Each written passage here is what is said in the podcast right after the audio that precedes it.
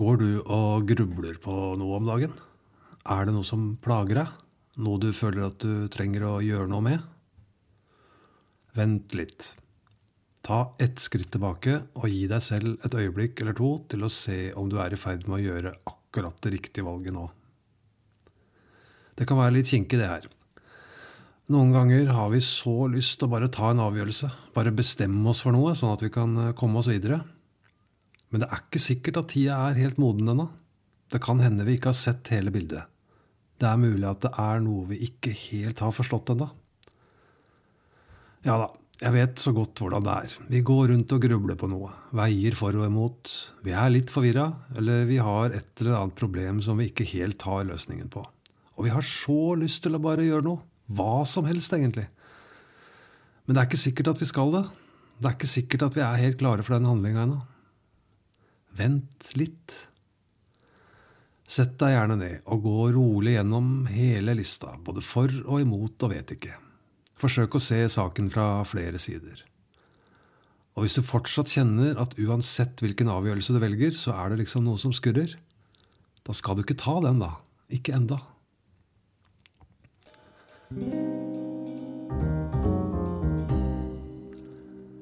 Hei, jeg heter Alexander, og jeg har tatt mange avgjørelser i livet mitt som har vist seg å ikke være de beste for meg. Eller for andre.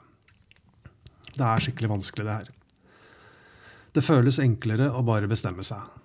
Men å ta en avgjørelse for tidlig, å gjøre noe for tidlig, betyr ofte at vi er nødt til å komme tilbake til det seinere og gjøre hele jobben en gang til. I veldig mange år valgte jeg alltid den enkleste og raskeste løsningen på mine problemer. Minste motstands vei, mente jeg at det var.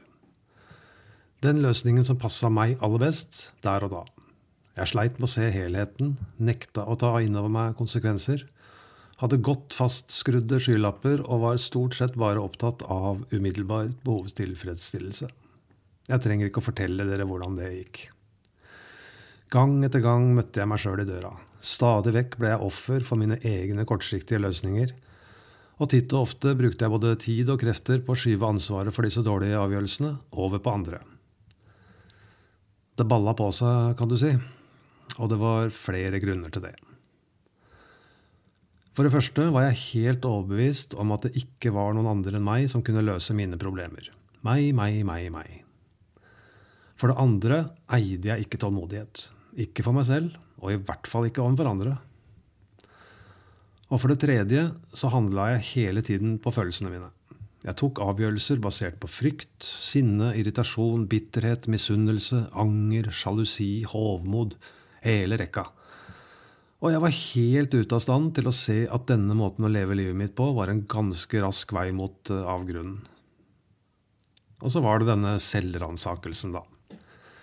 Da jeg ble nødt til å se grundig på meg sjøl og se hvordan jeg var, hvordan jeg oppførte meg, hvordan jeg veide avgjørelser, hvordan jeg løste problemer, hvilke karakterbrister som lå til grunn for løsningene jeg valgte.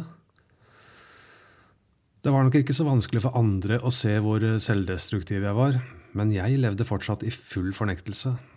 Jeg trodde at jeg levde livet mitt på best mulig måte. Jeg, jeg innbilte meg fortsatt at det var effektivt og konsekvent, det jeg holdt på med. Og på en måte så var det jo det. Det var bare det at jeg hele tida hadde feil intensjoner. Jeg var selvsentrert og utålmodig og skulle bare grabbe til meg mest mulig, enklest mulig, raskest mulig. Det var ikke så åndelig og innsiktsfullt, det jeg holdt på med, for å si det sånn. Jeg måtte lære meg å ta det litt med ro. Jeg måtte vente litt, ha den tålmodigheten som jeg snakka om tidligere og jeg måtte lære meg å forstå at jeg ikke alltid visste best. Jeg måtte lære meg å forstå at hvis verken løsning A eller løsning B føltes riktig, så lå det antagelig en tredje mulighet der et sted.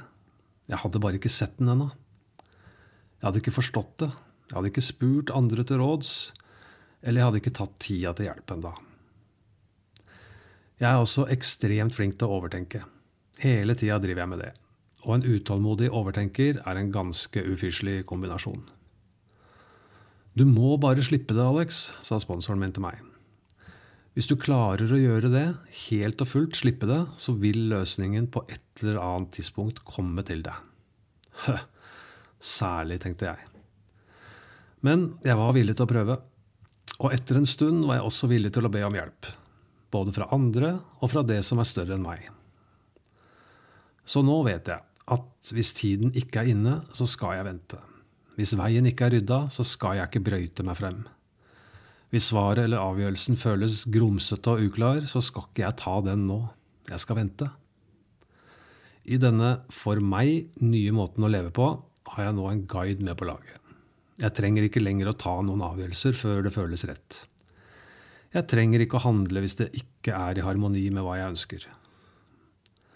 Tålmodigheten har blitt en handling i seg selv, en positiv, trygg og kraftfull handling som jeg alltid kan stole på. Jeg trenger ikke lenger å presse meg sjøl, jeg trenger ikke å tvinge fram en avgjørelse. Når tiden er inne, så vil jeg forstå. Når jobben er gjort, så vil det klarne. Det er ikke noe gøy å vente, og det er ikke alltid så lett, men det er ofte helt nødvendig for at jeg skal komme dit jeg vil. Da trenger jeg ikke å la panikken ta overhånd. Da trenger jeg ikke å være redd eller ha det så fryktelig travelt. Da trenger jeg ikke å la disse fordømte følelsene styre livet mitt. Svarene kommer, de. De gjør de alltid. Og ofte med forbausende gode resultater. Jo flinkere jeg er til å overlate, jo flinkere jeg er til å være tålmodig, jo bedre jeg er til å be om hjelp, jo fredeligere og mer harmonisk blir livet mitt. I dag skal jeg vente. I dag skal jeg være tålmodig. Hvis det er det som trengs for at det skal bli best mulig, og at jeg skal ta best mulig vare på meg sjøl. Så vær så snill og lær meg å vente til tiden er inne. Hjelp meg å lære riktig timing. Det finnes nesten alltid en bedre løsning enn den som egoet mitt foreslår. Tusen takk for at du hører på.